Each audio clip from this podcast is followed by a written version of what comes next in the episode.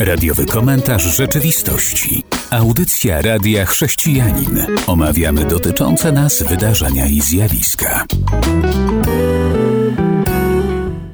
Witam słuchaczy kolejnej audycji. Witam również Wojciecha. Witam Cię, Robercie, witam Państwa. Jak tam mijają dni?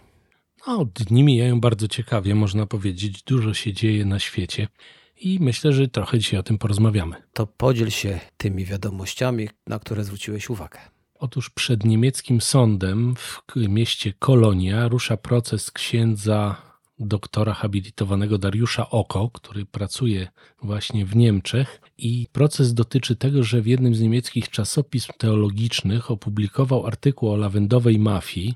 Lawendowa mafia dotyczy księży w kościele, grupy księży czy biskupów, którzy bronią właśnie homoseksualistów i właśnie osób LGBT. I otóż w tym artykule ksiądz nazwał homoseksualistów pasożytami, nowotworem i plagą. Tak donosi dziennik Deutsche Welle. Ten proces będzie się toczył, a okazuje się, że nie jest to pierwszy proces księdza Dariusza Oko, ponieważ swego czasu w jednej ze swoich książek, właśnie którą opublikował, poświęcił jeden rozdział właśnie lawendowej mafii, to wskazywał na wielki problem w kościele, czyli homoseksualizm. Tam nazwał właśnie też w sposób niewybredny wspólnoty LGBT i wskazał na księży, którzy nic z tym nie robią, którzy po prostu nawet jakby wręcz przyzwalają na tego typu działania. I wyrokiem nakazowym sądu właśnie w Kolonii w tamtym czasie ksiądz Oko został skazany na karę grzywny w wysokości 4800 euro lub 120 dni więzienia za podżeganie do nienawiści. Właśnie w ramach tej publikacji tego artykułu, a artykuł opisywał zjawisko wewnątrz kościelnej zorganizowanej grupy przestępczej działającej na szkodę nieletnich lub wykorzystujących zależnych od niej kleryków. I tak się ma sprawa. No czekam niecierpliwie, jak teraz będzie ta sprawa się toczyć, ponieważ tam artykuł dotyczył bezpośrednio działań w ramach Kościoła katolickiego w Niemczech, Natomiast tutaj już ksiądz, jakby można powiedzieć, wręcz odniósł się bezpośrednio do środowisk LGBT. Generalnie on się zabrał za księży w swoim kościele. Nie wiem dlaczego tam się rozpisują, ale jest jego książka Lawendowa Mafia. I tutaj chodzi o to, że on próbuje w jakiś sposób wyciągnąć na jaw to, co się dzieje wśród, jak sam zauważyłeś, samego duchowieństwa w tym kościele. Więc po części to bardzo dobrze, że się za to zabrał, bo jeżeli sam Kościół się za to nie bierze, a mógłby na spokojnie, no to taki gorliwiec. Szkoda tylko, że używa słów, których ja bym nie używał, ale jeżeli on to wyciągnie na wierzch, to może się wtedy wezmą za to i to się oczyści. Podobnie było też z niektórymi aferami w Polsce. Nie chodzi o teraz o homoseksualizm czy pedofilię. Każda, no jak się już wyciągnie, no to z przyczyn koniecznych trzeba zacząć się za to brać i rozwiązać problem, no bo społeczeństwo patrzy. No to teraz wierni Kościoła patrzą. No bardzo dobrze właśnie, tylko dziwi mnie to, że sąd, że tak powiem wtedy, w tamtym procesie, bo teraz to jest jakby inna sprawa, ale w tamtym procesie jakby włączył się w to, co się dzieje wewnątrz kościoła. No to też chyba tak nie powinno być, aczkolwiek też uważam, że dobrze, że ktoś zaczął w końcu ten temat podnosić i naświetlać. A już inna sprawa, żeby jednak zwrócić uwagę, że Pan Jezus zachęcał nas, jeżeli cokolwiek robimy i kogokolwiek napominamy, to mamy pewne kryteria. I tutaj, jak widać, on chyba tych nie stosuje. To może jeśli chodzi o niego, a jeżeli jesteśmy w Niemczech, to chciałbym zauważyć, że miała miejsce ankieta przeprowadzona na zlecenie Die Tagespost, która pokazuje, że większość Niemców, 59%, twierdzi, że wie, co jest obchodzone w dniu Pięćdziesiątnicy. Ale 10% twierdzi, że nie ma pewności, a 9% odmawia udzielenia informacji. Generalnie, jak to podsumowano w tym artykule, ponad 20% Niemców nie wie już, co to znaczy pięćdziesiątnica. Jak sądzisz, jak to byłoby u nas, gdyby przeprowadził taką ankietę? No, obawiam się, że mogłoby być bardzo podobnie, bo y, raczej ludzie nie tak ogólnie nie przywiązują zbytnio uwagi do tego święta. Aczkolwiek, no, miejmy nadzieję, że ta świadomość będzie rosła, bo widzimy też, że jednak ludzie trochę interesują się duchowością i sprawami związanymi z Bogiem. No miejmy nadzieję, że to się poprawi, aczkolwiek no, to jest smutne, smutne, że jeżeli kraj uważa się za kraj wierzący, a nie zna podstaw, no to jest przykre. Ta ankieta jest jeszcze podzielona na grupy, więc na przykład no, spośród osób w wieku od 18 do 29 roku życia to 33% nie ma pojęcia. Ale czym wiek wyższy, tym więcej ludzi ma pojęcie. Tak chciałbym, aby w Polsce takie ankiety ktoś przeprowadzał, które nas interesują, czyli tematy, którymi żyjemy albo powinniśmy nie wiem, może jakiś wolontariusz kiedyś się odezwie do Radia Chrześcijanin i będzie mógł zająć się taką działką. Na pewno wtedy będziemy mogli poinformować naszych słuchaczy, jak to się ma w naszym kraju. Co tam jeszcze, Wojciechu, na świecie się dzieje?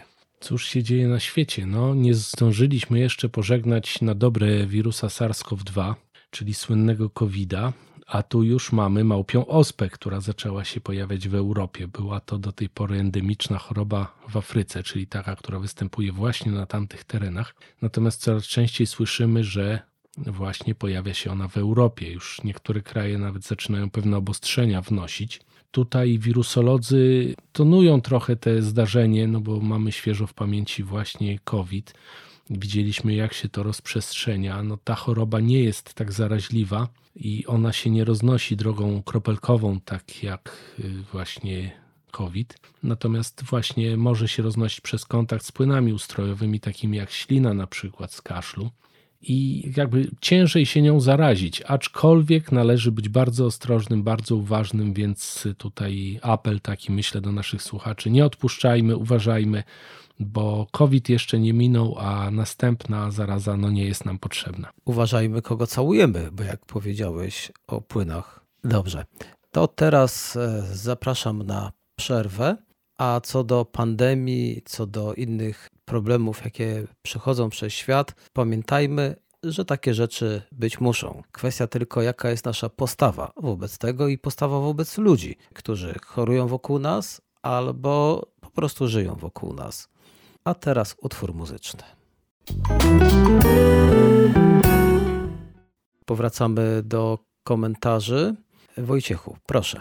Byliśmy przy medycynie i może zostańmy jeszcze na chwilę w tych kręgach. Otóż przeprowadzono w całej Europie badania na temat otyłości i okazuje się z tych badań, że w Polsce niestety niechlubny rekord dzieci tyją najszybciej najszybciej w Europie. To bardzo poważny problem, bo stwierdzono, że co trzeci chłopiec i co czwarta dziewczynka w Polsce ma nadwagę. Teraz im dzieci są starsze, tym problem jest poważniejszy.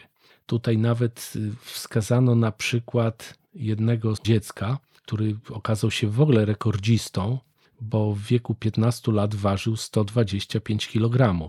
On został poddany oczywiście badaniu medycznemu, opiece medycznej, żeby z tej otyłości, po prostu już takiej maksymalnej nadwagi zostać wyleczonym, no bo to inaczej chyba nie można tego określić. Ale ten problem po prostu dotyczy nas coraz częściej, coraz mniej sportu, coraz więcej smartfona. I jeszcze COVID też wspomniany wcześniej też nam nie pomógł. No, jest to taka sprawa, zwracajmy uwagę na nasze zdrowie, bo otyłość jest problemem coraz poważniejszym otyłość jest często wynikiem grzeszenia. Mówię często, bo wiadomo, że nie zawsze jest różna przemiana materii, są choroby, ale dla tych, którzy się obżerają, to jest nic innego jak grzech. Przy powieści Salomona, 23 rozdział, 20 i 21 werset nas ostrzega. Nie bywaj wśród upijających się winem lub obżerających się mięsem, gdyż pijaki żarłok ubożeją, a ospali chodzą w łachmanach. No to jak jeszcze jesteśmy w tej księdze, to mam tu jeszcze jeden fragment, drugi werset tego samego rozdziału. Mówi: Przyłóż sobie nóż do gardła, gdy chciwie jesz. To trzeba by było chyba o tym powiedzieć, bo wydaje się, że picie alkoholu, palenie, no to już ludzie zaszufladkowali do kategorii grzechu. No ale natomiast obżarstwo traktujemy chyba nieco z przymrużeniem oka. No tak, zdecydowanie. Zwłaszcza, że starsi mieszkańcy naszego kraju pamiętają jeszcze czasy komuny, gdzie niekoniecznie można było się tak za bardzo obżerać i jakby część ludzi sobie troszkę to powetowała, niektórzy nawet aż za bardzo. Teraz w kraju, kiedy no, może nie jest teraz akurat najlepiej, jeżeli chodzi o ceny produktów, ale przez ileś lat było właśnie dosyć dobrze. I faktycznie zapomnieliśmy trochę o tym i poszliśmy w drugim kierunku. A tu masz rację, no, Bóg już dawno ostrzegał nas w swoim piśmie o takich działaniach, które no, może nie są powiedzmy jakoś strasznie źle mogą być postrzegane, natomiast faktycznie bardzo mocno wpływają na nasze zdrowie. Ja bym to też traktował w kategorii tego, że Bóg ostrzega nas, że nasze zdrowie może być bardzo poważnie narażone przez takie obżarstwo bo grzech rujnuje nasze zdrowie. Zawsze grzech będzie wpływał na nasze zdrowie. A apetyt, który jest taki poza kontrolą, no prowadzi do obżarstwa. Tutaj chciałbym powiedzieć, uważam, że jeżeli ktoś nie kontroluje swojej diety, czyli rzuca się na jedzenie, to tak samo może mieć problemy z innymi rzeczami, bo pożądanie jedzenia to jest jedno, ale mamy jeszcze pożądanie innych rzeczy. Mamy jeszcze żądzę, złość, czyli jest jeszcze powstrzymanie się od plotkowania czy sporów. Więc jeżeli ktoś nie potrafi się powstrzymać przed obżeraniem, to chciałbym się zapytać, czy też nie ma problemu z plotkarstwem, złością, no bo jakby nie było owocem Ducha Świętego jest umiejętność kontrolowania, wstrzemięźliwość. I jeżeli ktoś sobie z tym nie radzi, to zachęcam do zwrócenia uwagi na swoje życie duchowe, bo to jest jednak owoc relacji życia z Bogiem, czyli ten owoc samokontroli, wstrzemięźliwości. No to tym takim pobożnym akcentem przechodzimy do kolejnej wiadomości. Proszę. Tak jak wspomnieliśmy w jednej z wcześniejszych audycji, wiem, że bardzo lubisz czytać książki i znów mam tutaj wiadomość, która dotyczy książek. Czy czytałeś książkę Orwella Rok 1984? Nie pamiętam, bo jest jeszcze jedna książka Orwella, czy się mylę? Folwark zwierzęcy jeszcze jest. Nie, nie to Folwark zwierzęcy czytałem, a wspomnianą pozycję niecałą. Rozumiem. To może dla tych, którzy nie znają tej pozycji, tutaj y, przypomnę, że jest to opowieść o totalnym zniewoleniu człowieka przez władze państwa totalitarnego, o przejęciu kontroli nad każdym aspektem życia jednostki, nawet jego uczuć i myśli. Tutaj Orwell ukazuje dramat człowieka, który jest uwikłany w ten system partyjny, nad którym władzę sprawują, można powiedzieć, ludzie bez skrupułów, zorientowani wyłącznie na własne korzyści. Ten codzienny terror jest no, nie do zniesienia dla tych ludzi. I tam niektórzy próbują się przeciwstawiać, ale szybko się przekonują, że nie ma drogi ucieczki, bo jak to napisał Orwell, wielki brat patrzy. I ta książka, y, która była przez bardzo długi czas zakazana w krajach tutaj, w Związku Radzieckim i w innych krajach totalitarnych państw Europy Wschodniej, w Polsce pierwsze wydanie, co ciekawe, ukazało się w 1988 roku, a dzisiaj ta książka właśnie została zakazana na Białorusi. Wszystkie księgarnie zostały, można powiedzieć, najechane przez milicję, która sprawdziła, czy te książki się znajdują na półkach. Zostały nakazane do usunięcia. Wręcz sytuacja, że jeden z wydawców, Andrzej Januszkiewicz, z samego rana otworzył swój sklep z książkami w języku białoruskim i właśnie weszła milicja, przeprowadziła rewizję i na polecenie władz właśnie wszelkie te pozycje zostały usunięte. Więc jak widzimy, chyba na Białorusi nie jest tak wspaniale, jak próbuje nam przekazać pan Łukaszenka. Zapewne, ale w ten oto sposób reklama książki gwarantowana, dlatego że teraz tym bardziej zainteresują się Białorusidi wspomnianą książką. Korzystając ze sposobności, chcę powiedzieć, że jeżeli ktoś ma problem z czytaniem, bo albo warunki nie te, albo chęci, to ona się ukazała również w wersji audio. Na stronie audiobooki.love, czyli love, jest sklep i w tym sklepie można kupić wspomnianą książkę. Tu widzę 26 zł i 91 groszy, ale również jest folwark zwierzęcy. Wydaje mi się, że folwark zwierzęcy czyta się znacznie lepiej, zaś przy książce Rok 1984 to faktycznie trzeba się skupić. No tak, jedyny, jedyna pozytywna rzecz z tego, co powiedziałeś, właśnie, że zrobili książce darmową reklamę i w zasadzie tutaj społeczeństwo białoruskie będzie pewnie mogło zobaczyć, w czym żyje, jakby ze strony człowieka, który żył trochę lat temu. Natomiast co ciekawe, to wszystkie totalitaryzmy, które walczyły z czytelnictwem, z literaturą, praktycznie dzisiaj już nie istnieją te historyczne i miejmy nadzieję, że totalitaryzm w Białorusi i w Rosji także już niedługo przestanie istnieć. Więc zachęcam e, do sięgnięcia po wspomniane książki. To będzie dobra lektura, ale teraz to już też sięgniemy po utwór muzyczny, którego posłuchamy. Witam w trzeciej części audycji Radiowy Komentarz Rzeczywistości. Teraz chciałbym poruszyć temat, który poruszają praktycznie wszystkie media, ale jedna rzecz mnie bardzo zadziwiła i dziwi mnie nadal, ale przechodzę do rzeczy. Proces braci Pankowiaków. Diecezja kaliska będzie musiała teraz zapłacić, bo jest wyrok w sprawie tych braci. A o co tutaj chodzi? No, jak wielu już pewnie wie, w sądzie okręgowym w Kaliszu ta głośna sprawa, bo oni pozwali decyzję kaliską o milion złotych za krzywdy wyrządzone przez księdza. No i teraz padł wyrok. 300 tysięcy złotych zadośćuczynienia dla Bartłomieja Pankowiaka plus odsetki ustawowe od 2019 roku i taki wyrok zapadł. I co tam też zapadło? Że diecezja kaliska będzie za to płacić.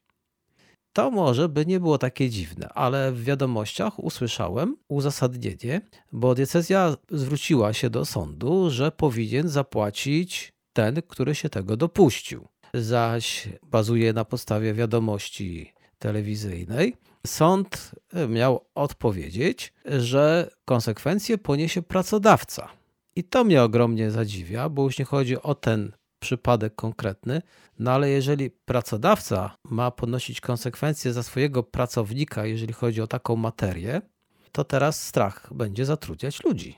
No nie do końca. Nie do końca, dlatego że ta zasada w polskim prawie obowiązuje od bardzo dawna i na przykład jeżeli e, rzecz się dzieje w samorządzie, to odpowiada zawsze prezydent i to, że pracownik zawinił, to jest jedna sprawa, ale odpowiada tutaj y, jego pracodawca, czyli prezydent. Oczywiście prezydent na dalszym etapie wyciąga konsekwencje wobec pracownika, który zawinił, i ktoś, kto został skrzywdzony przez urzędnika, może domagać się w procesie cywilnym jeszcze oprócz tego zadośćuczynienia od tegoż urzędnika. Natomiast to jest normalna sytuacja, zawsze odpowiada pracodawca. Mnie akurat ten, ten wyrok nie zdziwił zupełnie to chciałbym to jakoś zrozumieć. To jeżeli pracownik urzędu zostanie skazany za na przykład pedofilię albo jakieś inne nadużycia seksualne, cokolwiek, ale w tej materii, to sąd zasądzi wyrok, bo jeżeli ktoś się zwrócił, 300 tysięcy ma zapłacić pracodawca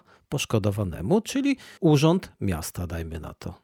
Nie, nie, to jest zupełnie inna kwalifikacja czynu, dlatego że jeżeli urząd to odpowiada za to, co robi urzędowo. A widzisz. I ja dojdę, dojdę, pozwól mi skończyć myśl. On oczywiście tego nie zrobił urzędowo, ale zrobił to w ramach swojej posługi duszpasterskiej, ponieważ jego posługa duszpasterska powodowała to, że on miał dostęp do tych ludzi. O ile pamiętam, oni byli ministrantami, i właśnie na tej zasadzie doszło do ich spotkania. To nie była kwestia, że oni tam przychodzili na przykład, nie no wiem, rozumiem. wyspowiadać się, nie? Tylko on, on Ale to, to robił. on to zrobił, a nie cała diecezja ponosi teraz konsekwencje czynów niewłaściwych jednej osoby. I tak Zgadzam samo w urzędzie się. miasta. To też ktoś może przyjść do urzędu miasta, a ta osoba zaciągnie na zaplecze, dopuści się czynu lubieżnego, i teraz ja, podatnik, który jakby nie było, łożę na to wszystko, też ponoszę konsekwencje, no bo jeżeli sąd zasądzi, ma zapłacić urząd, a nie osoba. Nie, nie, ale to naprawdę to jest zupełnie inna kwalifikacja czynu, bo urząd odpowiada, jeżeli zostało naruszone prawo, znaczy odpowiadasz zwierzchnik, nie, nie cały urząd, no bo też nie można tego, że tak powiem, w ten sposób kwalifikować. Jeżeli zostało naruszone prawo przez pracownika podwładnego, to ostate, ostatnim zawsze jest y, zwierzchnik, czy prezydent, wójt, burmistrz, i tak dalej. Natomiast jeszcze raz mówię, faktycznie może się to wydawać nie w porządku, że odpowiada diecezja, czyli tak naprawdę zapłacą wierni za to, bo nie wierzę, że Kościół ze swojej kiesy wyłoży tą karę, ale już no jakby nie wiem tego, więc może nie będę za daleko wybiegał. Natomiast jeszcze raz podkreślam, ten człowiek robił to w ramach swojej posługi. Należy, należy no, zauważyć To nie było kontekst. w zakresie jego posługi. Przecież... Nie, nie. Ja, ja wiem, Więc... że nie było. Ale no to nie. tak samo jak urzędnik, Zmierza... który dopuścił się czynu w czasie pracy na kimś, kto przyszedł. Może być to podwładny, ale może być to ktoś z zewnątrz. Ale to jest inna kwalifikacja prawna. I ja się domyślam, y, że tu może chodzić też o rzecz głębszą, dlatego że sprawy sądowe w tego typu przypadkach to nie są takie proste sprawy zero-jedynkowe. Dlatego że z tego co, o ile dobrze pamiętam, jeżeli się mylę, to może się wycof wycofam się z tego. Natomiast jeżeli się nie mylę, to chodziło o to, że biskupstwa były informowane o tych procederach i nic z tym nie robiły. Ale to nie zmienia faktu w ogóle. W ogóle to nie zmienia faktu, bo wtedy powinien być drugi wyrok. Wyrok dla tego człowieka, który się tego dopuścił i on powinien ponieść konsekwencje, a nie diecezja, czyli wierni, a potem kolejna sprawa sądowa. Za to, że był ktoś, kto próbował to zamieść pod dywan i tamci powinni być dalej karani. Bo idąc tym tokiem, to my będziemy ponosić konsekwencje, my, którzy tego nie zrobiliśmy, za czyny ludzi, którzy to robią. To chyba człowiek powinien sam odpowiadać za swoje czyny, a nie pociągać do odpowiedzialności kogoś, kto tego nie zrobił. Ten wierny przychodził, modlił się, a teraz się go ukaże, zabierze się te pieniądze, które miały być na przykład na ławki albo na dach, bo kapie w kościele. A teraz powiedzą, nie będzie dachu, bo ksiądz się tego dopuścił, pieniądze idą na odszkodowanie.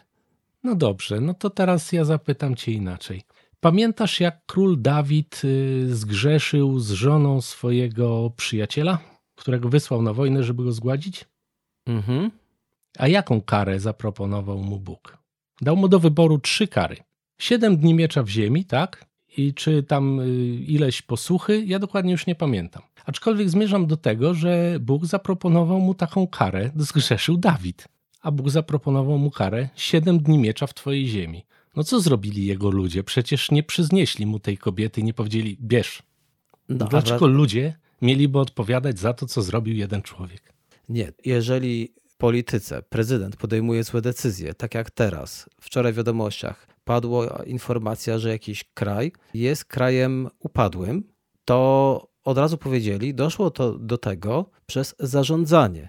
Ale tutaj to nie żaden zarządca, ksiądz, który to zrobił, czyli ktoś na najniższym szczeblu, więc to jest troszeczkę inaczej.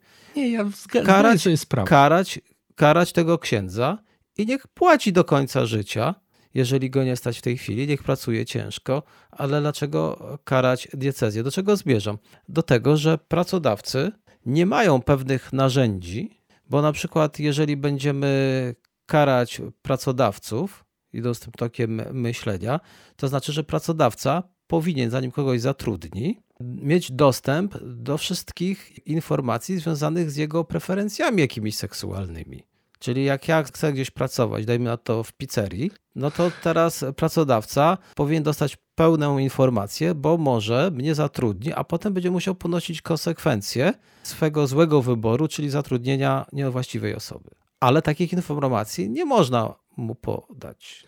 No dobrze, tylko ty stoisz na stanowisku, że on tutaj nadużył seksualnie, ale on nadużył seksualnie w ramach swojej posługi. To jest zupełnie coś innego niż y, po prostu, kiedy ja zatrudniam pracownika, on gdzieś tam pójdzie, y, powiedzmy, zbałamuci jakąś niewiastę. To jest zupełnie inna klasyfikacja czynu.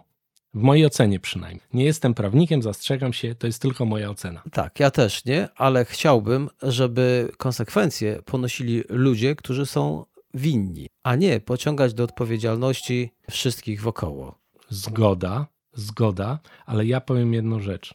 Jest takie stare powiedzenie: pierwsza zasada przywództwa zawsze jest Twoja wina. Więc tak to jest niestety ten świat ułożony. No, ale tutaj, do przykładu Dawida. No ale tu przywódca to nie jest przywódca, a ponoszą konsekwencje I ci wyżej, i ci niżej. No dobrze, to na tym skończymy. Nie rozwiążemy tego problemu. Generalnie myślę, że się ze mną zgodzisz. Powinien konsekwencje ponosić ten, który się czegoś dopuścił, a nie. Bezwzględnie. Bezwzględnie. Prawda? I tu dlatego ten ksiądz powinien ponieść konsekwencje, a nie wierni, którzy teraz mogą mieć dziurę w dachu. Bezwzględnie tak.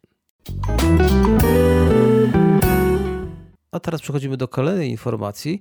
Pochodzi ona z 3 września ubiegłego roku i była związana z konferencją klimatyczną w Glasgow.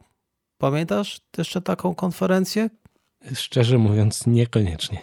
I tam blisko 60 organizacji aborcyjnych zgłosiło swój postulat. Ja tego to mnie zadziwiło, bo był to postulat do spraw klimatycznych. I dlatego się zainteresowałem artykułem, jak to organizacje aborcyjne chcą włączyć prawa reprodukcyjne i antykoncepcję do zobowiązań klimatycznych. Widzisz tu jakiś pomysł? No, ciężko mi to jakoś tak logicznie powiązać, no ale zakładam, że nie jestem tak lotny jak ci ludzie, więc myślę, że wytłumaczyli się trochę. Też za bardzo nie jestem lotny, bo nawet jak mi to tłumaczą, to nie bardzo jestem w stanie pojąć, ale no jak będzie mniej ludzi, przecież aborcja i antykoncepcja. Będzie mniej, z tego wnioskuję, mniej ludzi, to będzie mniejsze zanieczyszczenie. Będzie mniej śmieciuchów, śmierdzieli, śmieciarzy, jakkolwiek to określić, tych, którzy się rodzą, więc trzeba zmniejszyć tą populację. Mniej będą chyba wydzielać gazów, mniej będą konsumować, więc się na świecie poprawi klimat. No to taki pomysł, można powiedzieć, rodem z y, początków III Rzeszy. Zlikwidujmy trochę społeczeństwa, to zostaną tylko ci najlepsi. No, tak no, no, tak mi się to kojarzy, szczerze mówiąc. Dlatego ogromnie się zdziwiłem. Nie śledzę uważnie tego rodzaju imprez, ale tutaj naciski tych organizacji na przywódców państw były, no i z tego wynika chyba będą dalej. Nic więcej nie chcę dodawać. Trzeba chyba uważać na pomysły co niektórych. Podłączyli się pod klimat. No, ja wiem, że jak jest dużo ludzi jeszcze w jednym pomieszczeniu, dajmy na to w autobusie, to ten klimat może być czasami różny, bo ktoś wejdzie i drugi wejdzie, ten w coś wdepnął, tamten coś puścił i wtedy rzeczywiście ten klimat nie jest najlepszy. Ale to chyba nie jest rozwiązanie, aby redukować tych ludzi. No, zdecydowanie, ale to jest, widzisz, fajny pomysł. Ja tu mam dla tych y, ludzi taki pomysł, żeby zlikwidować samochody, jeździć bryczkami, to przynajmniej zanieczyszczenie będzie w miarę ekologiczne. Prawda? No, są inne rozwiązania. To po co akurat sięgać po takie? Myślę, że to jest raczej kwestia zwrócenia na siebie uwagi przy każdej możliwej okazji niż jakiś sensowny pomysł, no bo to przecież kupy się nie trzyma. A ostatnia wiadomość na dzisiaj, króciutka, dotyczy Cyryla. Cyryl, czyli przełożony moskiewskiej cerkwi, wszyscy wiemy, była już mowa też w jednej z naszych audycji, ale mamy też innego zwierzchnika, Bartłomiej. Bartłomiej to jest jego kolega, to jest patriarcha Konstantynopola. I ten jego kolega z Konstantynopola, patriarcha Bartłomiej, twierdzi, że rosyjski patriarcha Cyryl powinien zrezygnować ze stanowiska głowy rosyjskiego kościoła prawosławnego. Dobrze mu powiedział. Czy tak, i dostrzegam tu jeszcze jedną ciekawą rzecz, że powiedział mu to ktoś, kto jest równym mu stanowiskiem. To nie jest ktoś z dołu, kto krzyczy, dobra, chłopie, idź bo ja chcę twój stołek, a to jest ktoś, kto jest mu równy stanowiskiem, więc jest jego wypowiedź, myślę, bardziej autorytatywne niż innych. Dobrze mu powiedział. I dlatego też słyszalna. Według niego Cyryl powinien był bezpośrednio przeciwstawić się inwazji Rosji na Ukrainę i odnosząc się do podstawy kościoła rosyjskiego, Bartłomiej podkreślił, że niemożliwe byłoby, aby wszystkie kościoły nie potępiały przemocy. Jednak, to jest cytat, cerkiew rosyjska nas zawiodła.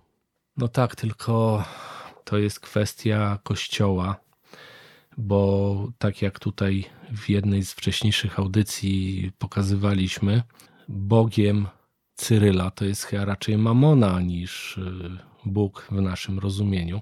A Mamona raczej nie ma problemu z tym, żeby prowadzić wojnę, bo się ona powiększa przy okazji takiej wojny. No to jeszcze na koniec patriarcha Konstantynopola dodał, że nie chce, aby cerkiew w Rosji była wyjątkiem w potępieniu wojny. I cytat: Nie wiem, jak może się usprawiedliwić w swoim sumieniu. Tu chodzi o Cyryla. Bartłomiej uważa, że można sprzeciwić się naciskom prezydenta Putina. I też mówi, zaznacza, że może by i Cyryl musiał ponieść tego konsekwencje, jednak protest przeciwko przemocy jest czymś, czego, i tutaj cytuję, my bracia prołaci byśmy się spodziewali, czyli konsekwencji za nasze czyny, czyli pójście również nawet do więzienia. No ale jak widać, nie wszyscy chcą ponosić jakieś konsekwencje, niektórym się dobrze żyje, ale to nie dotyczy tylko Cyryla. Przecież wielu chrześcijan, aby żyć dobrze, idzie na kompromis z wiarą. No, miejmy nadzieję, że to coś nam pokazało, czegoś się mogliśmy nauczyć nawet z tej sytuacji. Zwracajmy faktycznie uwagę na to, na jakie kompromisy idziemy. Tak, abyśmy nieśli w ślady Cyryla. I w ten oto sposób dotarliśmy do końca naszej audycji. Dziękuję za uwagę. Do usłyszenia. Do usłyszenia. Był to radiowy komentarz rzeczywistości.